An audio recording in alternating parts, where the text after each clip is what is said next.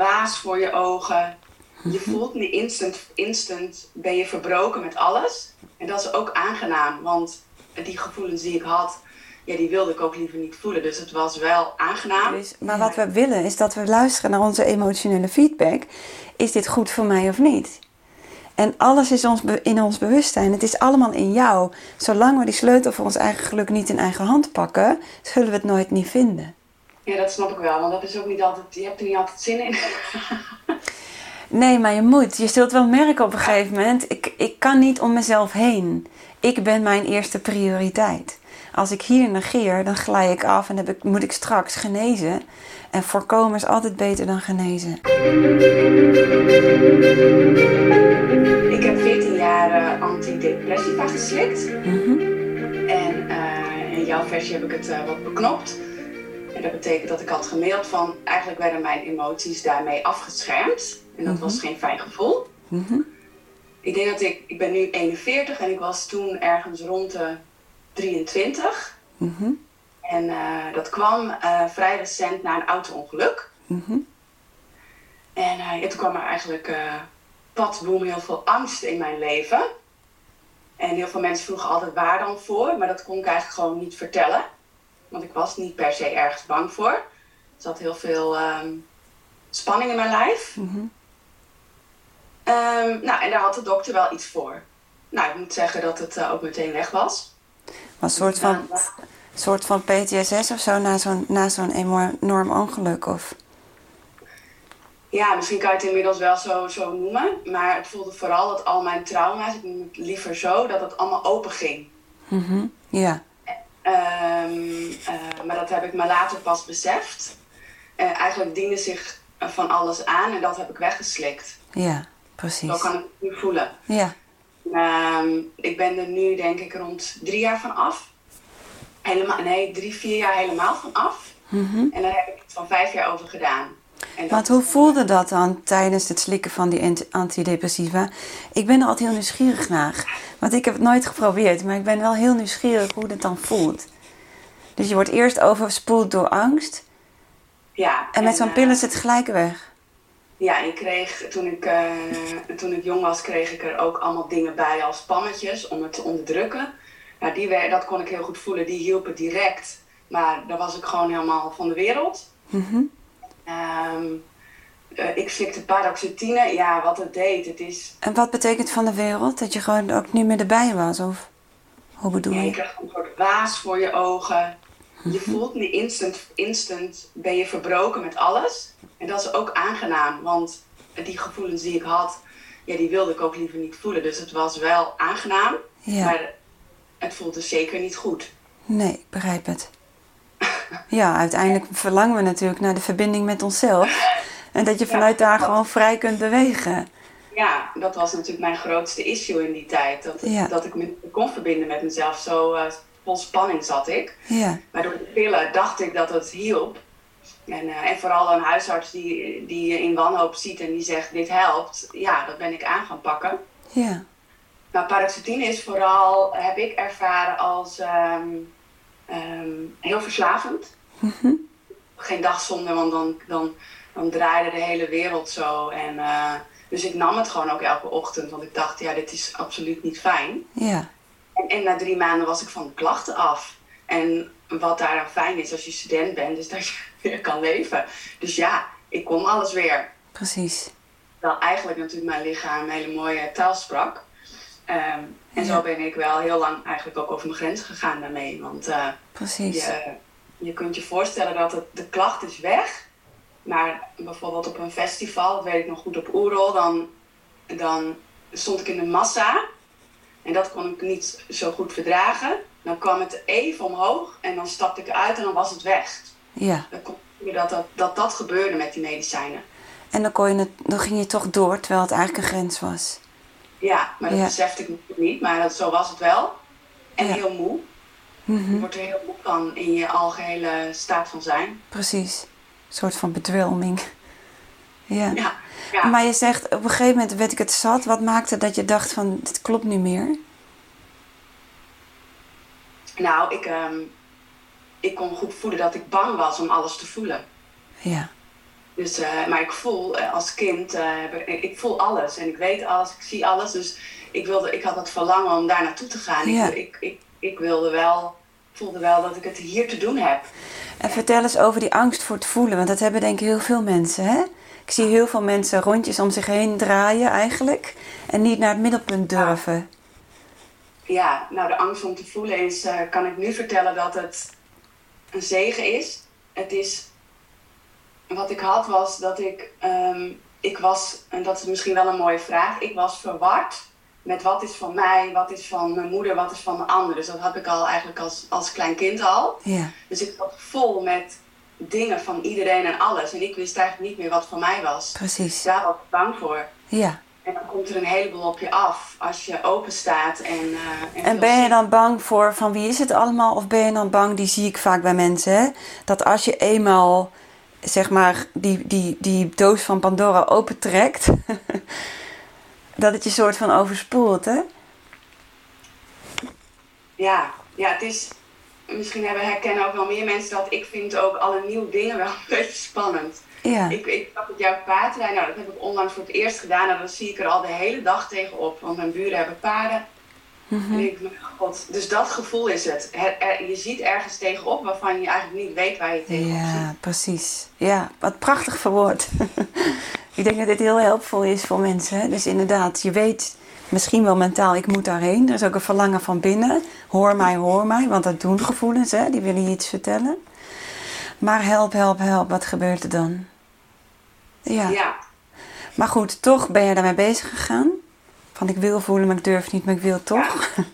ja, het geschenk van mij was met deze medicijnen is dat ik vrijwel direct op jonge leeftijd ook in het, eh, in het holistische stuk kwam. Mhm. Omdat je, ja dat is wel erg hoor, je valt wel meteen van de regen in de drup. Want eigenlijk is er iets heel, heel veel aan de hand. Ja, Dus mijn, mijn buik deed zeer, mijn darmen functioneerden niet goed. Ik was constant moe. Dus ik, ik was dingen aan het onderdrukken. Dus ik kwam eh, wel heel snel met, eh, ja, noem het maar spiritueel, holistisch eh, levensstijl in aanraking. ja, Ja, en toen is de weg begonnen. ja. Van, eh, En wat, je, wat maakt dat je zegt dat komt daardoor? Is het zeg maar dat je toch wel eh, aan ja, voelde of merkte van er is wat aan de hand? Dat je t- e- existentieel bent gaan zoeken? Want Ja, het is, weet ik weet je, dat mensen op dat pad komen. Het zijn essentiële vragen die beantwoord willen worden, hè? Ja. ja, ik denk dat ik ehm, voelde dat ik het ergens anders moest zoeken. En dat was dus onder andere ook ehm, een, een soort insteek van mijn brief aan jou. Eh, dat, en dat is meer mijn verlangen. Ik wil er meer mee onderzoek mee doen. Voor mij voelt het niet dat het klopt wat de huisartsen doen. Mhm. Dat is meer vanuit mijn ervaring. Ik vind het heel fijn dat mensen ondersteund worden in een proces als het echt niet gaat. Ja, word als jong meisje werd ik gewoon losgelaten na een half jaar. En ik heb gewoon jaren een recept gehaald. ja, En ik ben ook wel eens gaan stoppen, maar dat ging helemaal niet. Het was compleet Nee. chaos. precies. En, en mensen willen niet dat je stopt. Nee, misschien is het wel, als je dit zo roept, misschien is het wel niet per se een oproep aan artsen van denk na, maar misschien is het wel een oproep aan alle mensen, blijf zelf ook nadenken. Ja, dus nou, natuurlijk, ja. een arts heeft gestudeerd voor medicijnen, hè? Eh, dus die weet hoe die, eh, die probeert een diagnose te maken en pillen, dat is zo is hij opgeleid, een psycholoog is zo opgeleid, een bouwvakker is zo opgeleid, een architect zo. Dus ze hebben gestudeerd op één vlakje. Eh, Maar als het gaat over ons, moeten we zelf natuurlijk altijd blijven nadenken. Niet alleen nadenken, maar ook gaan voelen wat de feedback van onze emoties zeggen over wat we bedacht hebben. ja, dus alles wat we extern leggen, dat maakt ons eigenlijk zwakker. nou precies. Ja, nou, en dat is ook mijn, mijn, eh, mijn drijfveer om hier iets mee te doen. Mhm. Want an- dat schreef je ook, anderhalf miljoen mensen slikken dit. Ja, Eh, mensen hebben geen idee dat je eigenlijk ook eh, de verbinding, of, of de- dat is niet waar, geen idee, dat is een invulling.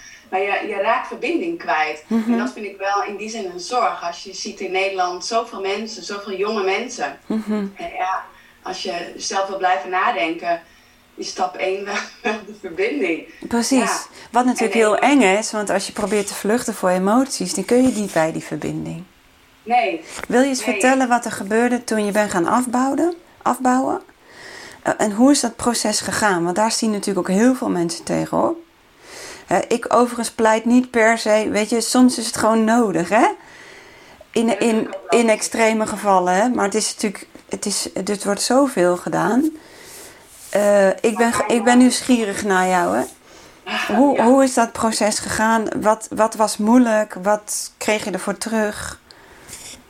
Um, nou, eh, ik ben. Um, ik, ik heb een uh, traject gedaan bij Els van Stijn.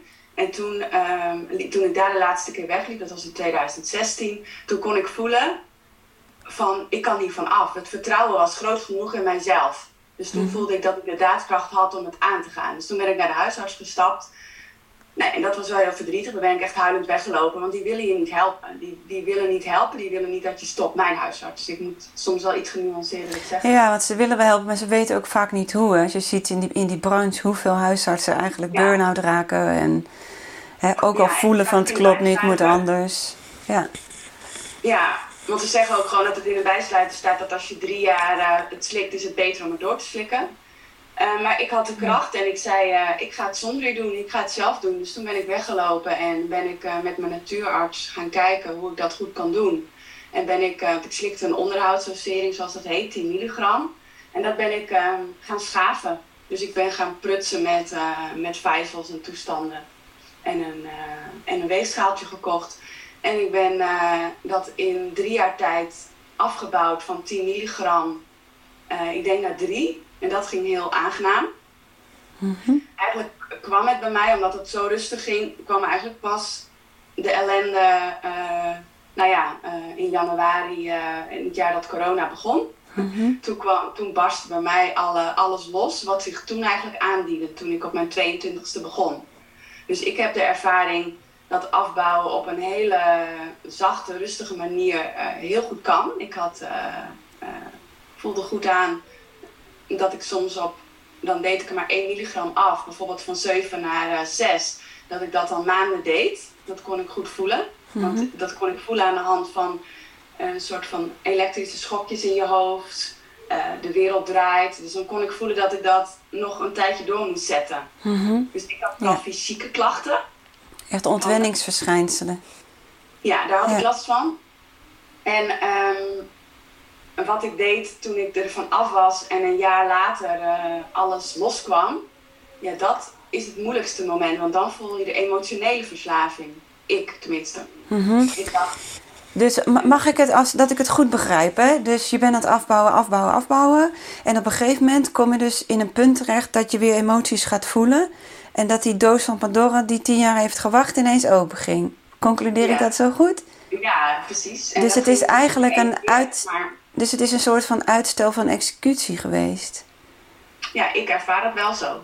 Ja. Waarvoor ik, waarvoor ik het slikte. Ja. En ik weet natuurlijk niet hoe andere mensen dat doen ik slikte het voor, ik noem het altijd angst. En nu liever niet meer angst, maar spanningen. Maar het was angst, daar slikte ik het voor. En die coronatijd is dan wel een trigger geweest natuurlijk, hè? Want dat was natuurlijk, alles stond in teken van angst. Ja, dat was echt collectief voelbaar. Ja, en dat was, uh, dat kan ik nu, uh, nu uh, ook gelukkig voelen. Mhm. Maar ik begon dus ietsjes eerder dan corona, twee, drie maanden eerder. En, ik, ja, ik, ja. dat was wel en toen ging die doos open. Ik kon geen straten meer op. Ik, had, ik, noem het dan maar straatangst. Dus ik heb, um, ja, ik, ik moest verhuizen, want ik kon ook niet meer in de stad wonen. Dus ik heb een plek gevonden in een dorpje in Friesland, heel rustig, uh, in de natuur. Hoe is het nu overigens met die straatvrees? Nou, het gaat uh, goed. Mm -hmm. Ja. Ja, dus ik kan, kan, het, ik kan het weer dragen. Het is allemaal niet. Uh, Precies. Want ook verhuizen is natuurlijk wel een soort van pilletje. Symptoombestrijding, hè? Ja. dus dus uh, kijk, ik ben absoluut voor op het moment dat je in een overprikkelde situatie bent, moet je uit een noodsituatie. Dus stress is een noodsituatie, moet je uit. Uh, om vervolgens toch weer, uh, nou tussen aanhalingstekens, normaal te kunnen functioneren. Hè? Ja. En daar je proces in aan te gaan. Ja, ja, want dat zullen mensen misschien ook wel herkennen inderdaad. Als je veel prikkels voelt, dan, uh, dan werkt dat niet om, uh, nee. om, om, om ontspanning meer uh, te zoeken. Mm -hmm. En nou ja, dat, dat, dat, dat heb ik gedaan. En, en dat is inderdaad, dus voor corona kwam die doos van Pandora los. En ja, dat is eigenlijk de grootste grootste weg geweest van eh, Ja. emoties voelen en, Precies. en daarin zoeken. Ja, ja. Wat natuurlijk heel fijn is als we dan kijken naar het trauma waar het ooit misschien mee begon. eh, is dat natuurlijk wel een oproep. We maken allemaal dingen in ons leven mee. Belangrijk dat we ook op dat moment durven gaan kijken naar binnen. Wat doet deze situatie met mij? Want hoe eerder je oprecht durft te kijken, hè, hoe sneller je en beter je door een proces gaat natuurlijk. Ja, ja. En dat vond ik ook wel, eh, dat is nu ook wel bijzonder aan. Eh, voordat ik me zo slecht ging voelen, Mhm, eh, toen deed ik een eh, opleiding bij, bij Elmer Hendricks van familieopstellingen. mhm. En toen had ik ochtends vroeg, moest ik er om 9 uur zijn. En toen stond, werd ik ook, had ik opnieuw een auto-ongeluk, ochtends vroeg. Dus eh, ja. Dus het Oké, bijzonder. Dat Ja, was, dat was tien jaar na het, na het ongeluk of zo? Dat is tijdens de periode dat je die antidepressiva slikte? kwam er een, eh, iets, iets, gebeurde dat. En Ja. eh, nadat ik gestopt was, gebeurde dat. En, eh, Ja, en, wat wel een heel mooi bewijs is van dat het onze buitenwereld onze binnenwereld is. En op het moment dat dat weer kan, het wordt geprojecteerd. ja, dus dat is ook de reden dat ik me, me zo aangesproken voel tot jouw, Ja, jouw verhalen. ja, Die volg ik graag, want dat is dus ook wat ik voelde. Ik noem het maar, het universum wilde echt dat ik dus ja, echt dat, dat ik dat ging, eh, ja, eh, ging doorvoelen. ja. En eh, Nou ja, jij wilde het, hè? Jij wilde het doorvoelen. ja, Want op het moment dat jij van binnen voelt van ik wil dit afbouwen en alles wat er in mijn binnenwereld leeft, dat wil ik aangaan. Ja, dan komt het vrij en dan gaat het di- direct spiegelen, spiegelen want zo werkt het, hè? De binnenwereld. Eh, je kunt het zo voorstellen dat, dat energie gaat door jouw, jouw eh, energie, wordt die geprojecteerd naar buiten toe. En jouw energie bevat een soort van symfonie van wie je werkelijk bent. En tegelijkertijd alles wat je gelooft en overtuigt. En, dus als je die, en daar komen weer feedback van emoties op. En emoties zijn ook energie.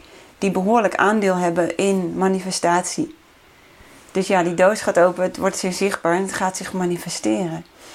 Maar eh, op het moment dat je gaat onderdrukken, onderdruk je natuurlijk hoop. Dus ja, wat manifesteer je dan? Weinig waarschijnlijk.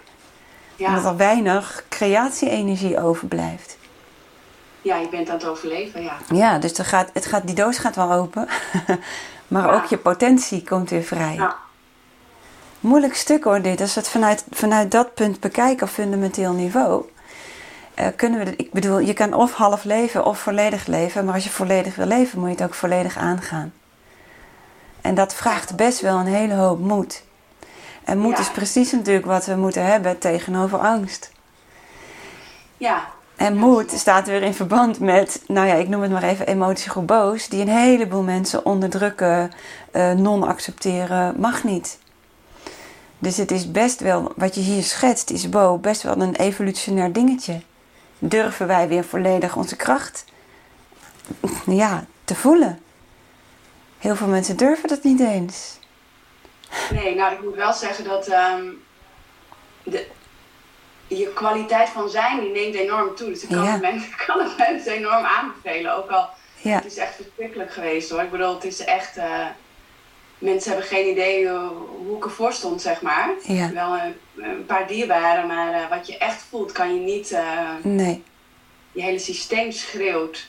ja. En je hoofd, hoofd neemt alles over, je denken. En, eh, En dat is, dat is voordat je met die pillen begonnen of daarna, toen je bent af gaan bouwen.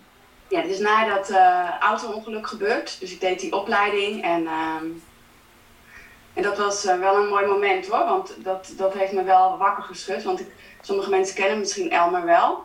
En hij, hij is zo'n zachte man. En hij stond voor mij en ik trilde eigenlijk nog van het auto-ongeluk. Mhm. En toen zei hij gewoon in een paar woorden heel krachtig: Dit moet je heel serieus nemen, want al je trauma's gaan open. En toen keek ik me en toen dacht ik, want daarvoor was het al een beetje losgekomen, de angst. Dus toen, toen vond ik het al lastiger in supermarkten, in drukke omgevingen. En, eh, nou, en twee weken daarna kon het niet meer anders dan, eh, Mhm. dan stilstaan en in huis blijven, zeg maar. Ja. Dus die woorden hebben me toen wel geraakt, want het is echt iets heel serieus als je... Ja. Ja, en dan moet je kijken. Ja, en eh, ja, En wat heb je ermee gedaan? nou, een, een, een enorm gevecht gevoerd ook natuurlijk. Mhm. En ehm, kijk, eigenlijk is mijn eh, moment, ehm, eh, de laatste tijd is het steeds meer die woorden die jij zegt, er, eh, die vind ik echt prachtig. Ik ben al heel. Dus wat er gebeurde, ik was natuurlijk bezig om beter te worden. Of natuurlijk, ik was bezig om beter te worden. Ik dacht, nou, nu ga ik thuis zitten en dan ga ik dit eens even allemaal lekker uitzitten. Ja, en dan kan ik over een half jaar wel, want ik, wil, ik ga altijd graag naar Oerol hier op de Schelling. Dacht ik, dan kan dat wel weer. Mhm. En dat was dus, eh, het gebeurde ergens in december, dat ik stopte met mijn, eh, nou, met, met het leven, om het zo te zeggen, in de buitenwereld. Nou ja, en toen kwam Oerol in juni en dat ging helemaal niet. Het ging gewoon eh, helemaal nog niet goed. En toen, nou, elke keer kwamen er stapjes bij dat ik besefte van, ja, je wordt niet beter. Het, het, het, het is niet een doel op zich om het weg te krijgen. Mhm. Dus, en toen had ik een, eh, mijn, echt mijn, eh, mijn eh, lieve vriendin, die, die zei op een gegeven moment, kun je nou helemaal accepteren dat als, je- als je alleen maar in je tuin, en ik heb gelukkig een hele fijne tuin en paarden naast me, en als je daar nou alleen nog maar kan zijn, dat je nooit meer iets anders kan, kan je dat accepteren. Nou ja, en dat, dat ben ik denk ik gaan doen, waardoor het kon om alleen maar hier te zijn en boodschappen te bestellen en even niets te moeten, Mhm. even niet de angst aangaan. Mhm. Dus toen kwam het accepteren, denk ik. Mhm. Oké, En vanuit daar kwam er ontspanning in mijn, eh, in mijn lichaam. precies. Oké, als we nu even uitademen. En we laten het verhaal achter ons. Ja. En je laat ook de intentie waarmee je dit gesprek ging even achter je. Even los. En je gaat nu helemaal opnieuw even voelen. Dit is weer het eerste moment van je nieuw leven. Alles ligt weer open. We hebben een startmoment en dat is dit moment. Elk moment is een startmoment. Is er dan iets wat er borrelt, wat graag ehm, verteld wil worden, gevraagd wil worden, in interactie wil gaan met mij?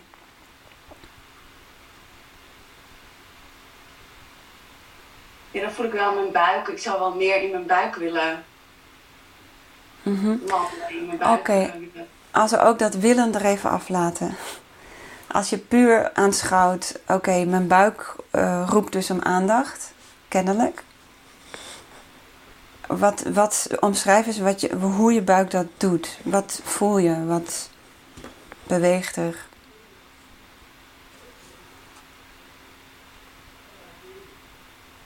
Eh, dat het een beetje leeg is. Je buik voelt leeg. Ja, Oké, leger dan andere gebieden. Ja. oké. Ehm, dit is me- me- metaforisch, hè? we gaan er gewoon metaforisch op in. Als je daar eens met je aandacht naartoe gaat, naar die leegte. Vraagt het dan om iets?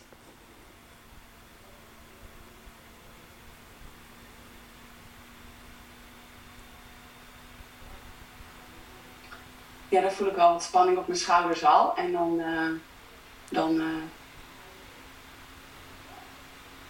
Kwam er een gedachte binnendoor, tussendoor, voordat je die, die spanning op je schouders voelde? ja, dat, het, dat ik wel voel die leegte toelaten. Dat ik dan... eh, dan gebeurt er wel iets.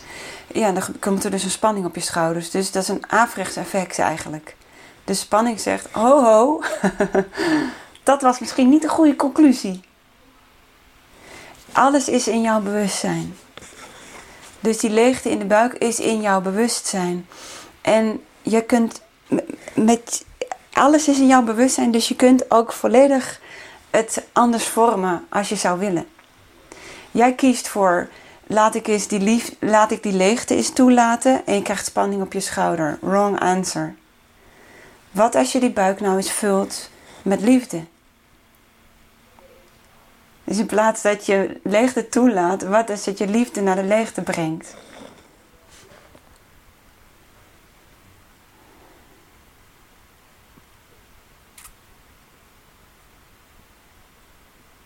Ja, dan wordt het eh, zachter, ja. Oké. Al borrelen, ja. En wat voel je dan voor een emotionele feedback?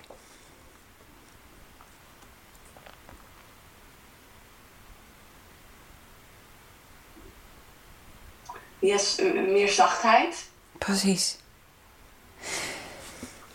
En minder het gevoel van moeten. Mm Precies, want weet je, waar we eigenlijk naartoe willen, is we kunnen wel een oproep doen naar artsen, we kunnen wel reclame maken voor Elmer of wat dan ook. Maar weet je, en, en pillen afzweren, eigenlijk is alles helemaal oké. Wie, voor wie het dan ook goed is, maar wat we willen is dat we luisteren naar onze emotionele feedback. Is dit goed voor mij of niet? En alles is ons, in ons bewustzijn. Het is allemaal in jou. Zolang we die sleutel voor ons eigen geluk niet in eigen hand pakken, zullen we het nooit niet vinden. Iedere overtuiging die ons saboteert tot leven is een waardeloze overtuiging, mag overboord. In wezen kun je voelen voor jezelf: wat zit er voor verlangen in mij? Wil ik leven of wil ik stilstaan? Wil ik, wil ik verbinden of wil ik alleen? Wil ik expressie of, of wil ik stilte? En dat zal elk moment weer veranderen. En we willen het creatieve brein zo openzetten dat alles wat niet goed voelt op dit moment, eigenlijk in jouw bewustzijn kan veranderen, zodat het wel in balans komt. Want balans is het eeuwige streven van energie. En alles is energie. Hoe voelt dit? Het woord balans, dat word ik wel. Uh... dat, dat, dat raakt me wel, ja. Dat ja. Is, uh... Alles wil naar balans. Dus het kan ook zijn op het moment dat je je helemaal afsluit voor alle prikkels, dat je juist een disbalans veroorzaakt omdat er geen beweging meer is in je leven. Ja. En dan willen juist weer bewogen worden. En als het dan ons tussen ons hoofd zit, ja, maar ik moet niet te veel prikkels, ik moet niet te veel prikkels. Worden we daar alleen al, krijgen we weerstand van. En weerstand worden we weer moe. Ja. dus ik, dus uh, je, hebt, je hebt best wel een heel verhaal verteld. Je wilde ook iets vertellen natuurlijk. Maar het draait eigenlijk alleen maar om dit moment. Ja. En wat er op dit moment belangrijk is. Dus als je nog eens met je binnenogen naar binnen gaat. Want ik gooi weer een, steen, een baksteen in jouw vijver natuurlijk. Door je hier te grijpen. Hoe voelt je binnenwereld aan?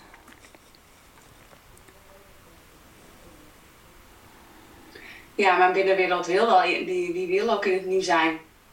Ja. Dus Oké, en hoe voelt dat dan? Wat wil je in het nu? Wat, wat wil er bewegen in het nu? Als je puur flow zou volgen die het nu aangeeft. Ja, komt de balans, voel ik. Dat is de balans, zeg maar. Dan, ja. Uh, dus de, de kijk op dingen vooruit, die, dan, dan voel ik weer die, die druk op je schouders of zorgen, zeg maar. Ja, maar als je terugkijkt ook, idem dito. Ja, dat is wel, dat klopt. Ja, ik kan wel goed... Uh... Terugkijken. ja, dat is wel een... Uh... Dus terugkijken is net zo goed een valkuil als vooruitkijken. Ja, dat, uh, dat Mm Kan ik me voorstellen, ja. ja. Dus weer terug, terug naar hier, terug naar het nu. En we proberen het niet te concluderen, we proberen het alleen maar te voelen. Als je puur voelt van binnen, hoe beweegt het?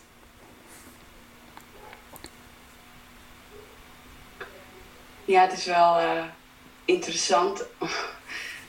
dat, ik voel wel dat die achterkant wel aan het trekt nog. Dus het is wel, ja, dat oude stuk is wel. Uh, mm Oké, je doet metaforisch, doe je iets... Zeg maar. Ja, ik voel ja. wel de achterkant aan mijn trek dan als je dat zegt. En de voorkant veel minder. Oké, dus, ik, dus uh, we, je, je, je bent heel metaforisch aan het voelen. Super. Daar kunnen we ook iets mee. Dus ik zie je met je schouders bewegen. Ik zie je handen achter iets pakken, iets trekken, iets doen. Uh, als je nu puur voelt, alles is in jouw bewustzijn. Jij mag je leven maken zoals je wil. Je mag in dit moment alle magie tevoorschijn toveren die je kunt verzinnen. Wat voel je dat er wil met dat gedoe hier achter op je rug? Nou, als je zegt wat wil er dan nu zijn, dan voel ik wel plezier maken en vreugde. En dan. Oké. Dus je voelt het plezier en vreugde voel je in het nu, hier in het centrum. En, en daarvan achter, wat, zit daar nog wat of verdwijnt dat als je daarop focust? Ja, dan is dat wel weg, ja. Precies, dus je hebt ten alle tijde ook een keuze. Ga ik in oud focussen? Ga ik in nieuw focussen? Of ga ik in nu focussen? Ja, die vind ik overigens wel nog wat lastig te horen hoor. Je hebt een keuze, want dat klopt. Maar, maar mhm. soms is er zo'n aantrekkingskracht. Ik, bij mij dan van achteren, misschien bij andere mensen van voor. Ja. Eh, eh, soms geef ik me er ook, maar dan soms kan ik, heb ik het gevoel dat ik er ook in weg moet zakken in die achterkant. Want anders. Ja, maar haal dan die achterkant naar het nu. Als je die achterkant ervaart nu, is hij dus nu. Dus dan dringt er iets, misschien iets ouds, in jouw bewustzijn wat nu gezien wil worden. Dus dan wil de verbinding gelegd worden in dit hier en nu. En niet mentaal naartoe. De verbinding, dit is een andere manier. We kunnen mentaal terugkijken en ja, wat als anders en hè, dat. Maar we kunnen het ook naar het nu halen en voelen. En nu voelend de verbinding mee aangaan. Wat willen met dat restje wat toen nog nu zit? Wat wil daar nu mee? Voel je wat ik bedoel? Ja. Ja. Ja. En dan kan ik wel inderdaad voelen dat je dat, dat op zo'n moment dat je het heel groot kan maken dan. En het eigenlijk misschien niet zo groot is. Precies, en dat doen we weer met ons kopie. Ja. Dus het is super belangrijk om er voelend bij te blijven, want dan kun je het in de juiste proporties zien. Maar voelen is weer wat anders dan emotionele feedback. Want voor je het weet, grijp je dus in in een een of ander reusachtig verhaal, wat je nog groter en groter accentueert. En emoties gaan groter en groter feedbacken, want die zeggen: Ho! Ja. Dus in plaats dat wij dan denken: Oh, die emoties vertellen mij dat het heel erg is. Nee, die emoties vertellen jou dat jij het heel erg maakt en die zeggen: Stop. Ja. Dat is een andere manier van kijken naar emoties. En dan ga je er voelend in. Dus emoties die, die kunnen reusachtig zijn omdat je, je mentale verhaal reusachtig is. En als je beide even laat voor wat het is, niet negeert, laat zijn en daardoor dwalen ze weg, ga je in verbinding met hoe jouw systeem op dit moment is. Ja, mooi. Ja, en laten we het nu real-time nog eens doen.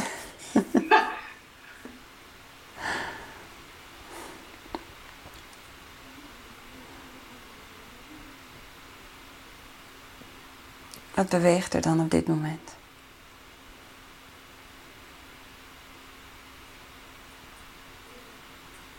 Ja, dat is natuurlijk heel fijn, niet zoveel. Ja. dus, ja, Rust. Gewoon, uh, ja. Kijk, super, en dat doet het nu. Hè. In het nu is er eigenlijk nooit een probleem. Tenzij acuut de noodsituatie, fysiek, en dan moet je actie doen. En daarna bijkomen. Maar je zit nu in een veilige omgeving. Niet te veel aan de hand. He, dus dat wil ook dat jij erbij blijft. Sommige mensen die denken dan, oh wat saai, er is niks. Gewoon even van genieten en voor je het weet wil energie weer in beweging komen. En volg je die beweging. He, dus het hoofd is een hele grote valkuil. hoofd, wil, ja, hoofd wil praktisch ingezet worden. Maar zodra het dingen gaat willen en bepalen en terug en, en straks en ah, krijgen we stress. Nou, en dat is ook wel iets wat me dan nu binnenplopt, is dat die medicijnen die je dan slikt, die mhm. zorgen er ook echt wel voor dat, dat, dat dit veel waziger wordt. Dus op het moment dat je ervan af bent, is dit, is dit wel, hoe, dit was intens. Maar ja. Ja, maar het probleem zit ook hier in je hoofd. Je wijst je hoofd aan, hier zit het. Het probleem zit ook hier. Want hoe meer wij hier angst denken, hoe meer emoties uh, als angst ons feedback gaan geven: hey, alarm, alarm, alarm. Maar wij mogen ons bewustzijn gebruiken om te gaan kijken: is het daadwerkelijk alarm of niet?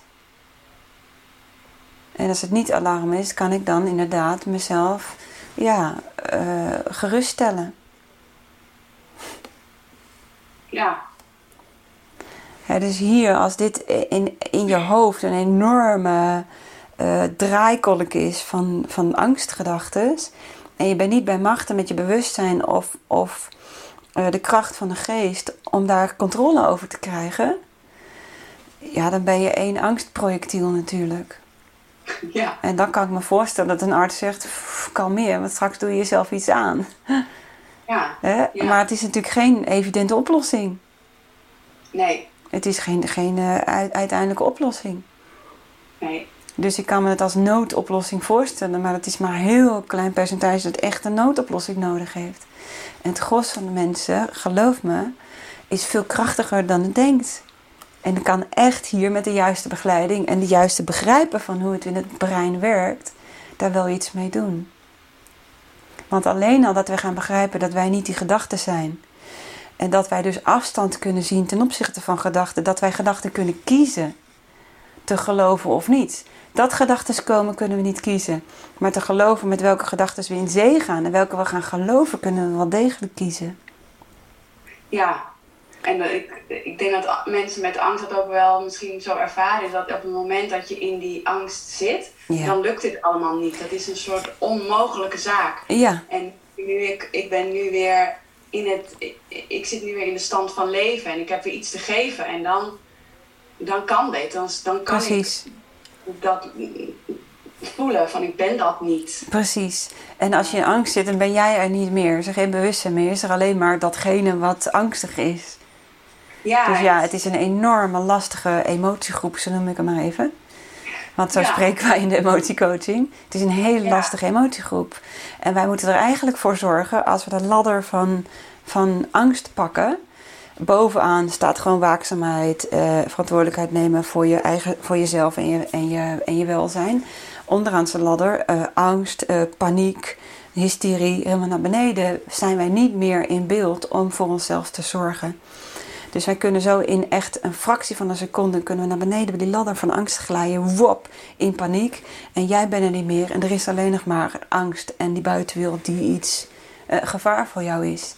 Dus wij moeten eigenlijk zorgen dat wij een bewustzijnsknop inbouwen. Dat als wij merken, we kelderen op die ladder van angst, dat wij hier een soort van stop tussen die sporten van die ladder stoppen.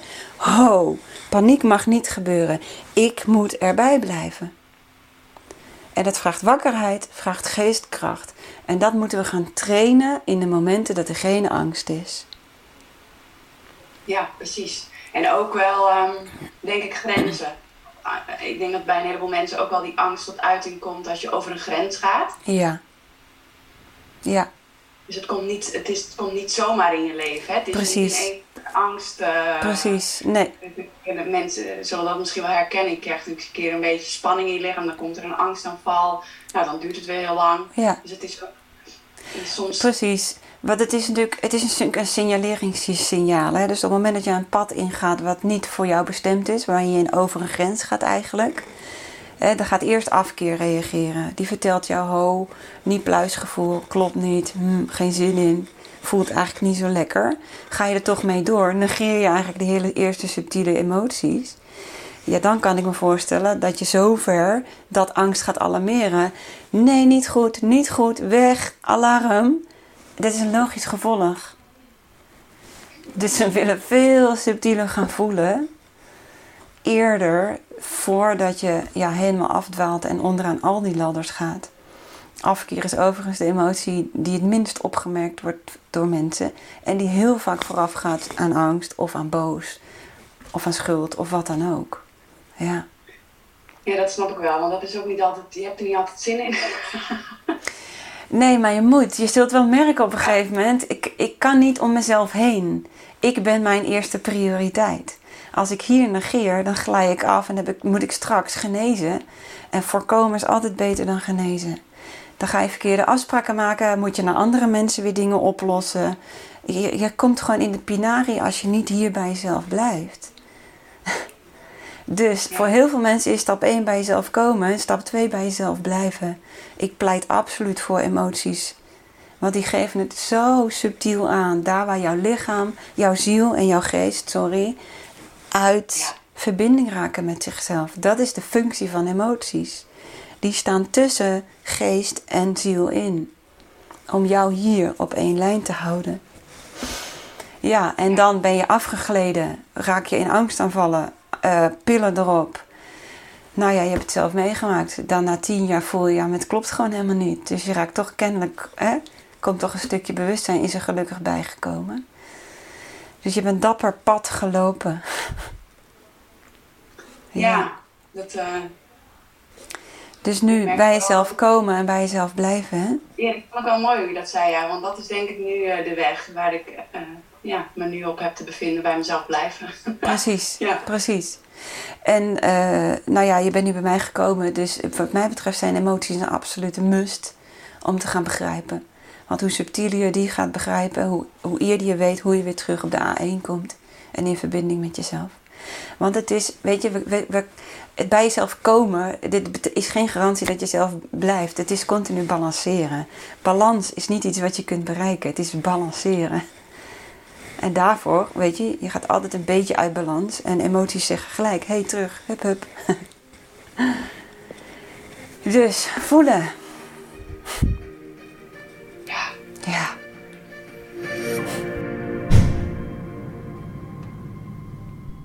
Wil je meer weten over deze manier van coaching? Kun je kijken op www.emoties.nl. Dat is de website van het Emotie Expertise Centrum, opleider van emotiecoaches. In die opleiding eh, is het eerste deel vooral bedoeld voor de thuis-EHBO, zodat we zelf leren met ons emotionele navigatiesysteem om te gaan. Wil je een wekelijkse inspiratie van mij? Natuurlijk de podcast. Abonneer je erop op Spotify of eh, YouTube of iTunes. Eh, of volg het spreekuur op www.verahelleman.online waar je iedere week zelf je eigen vragen mag stellen. Dag lieve mensen.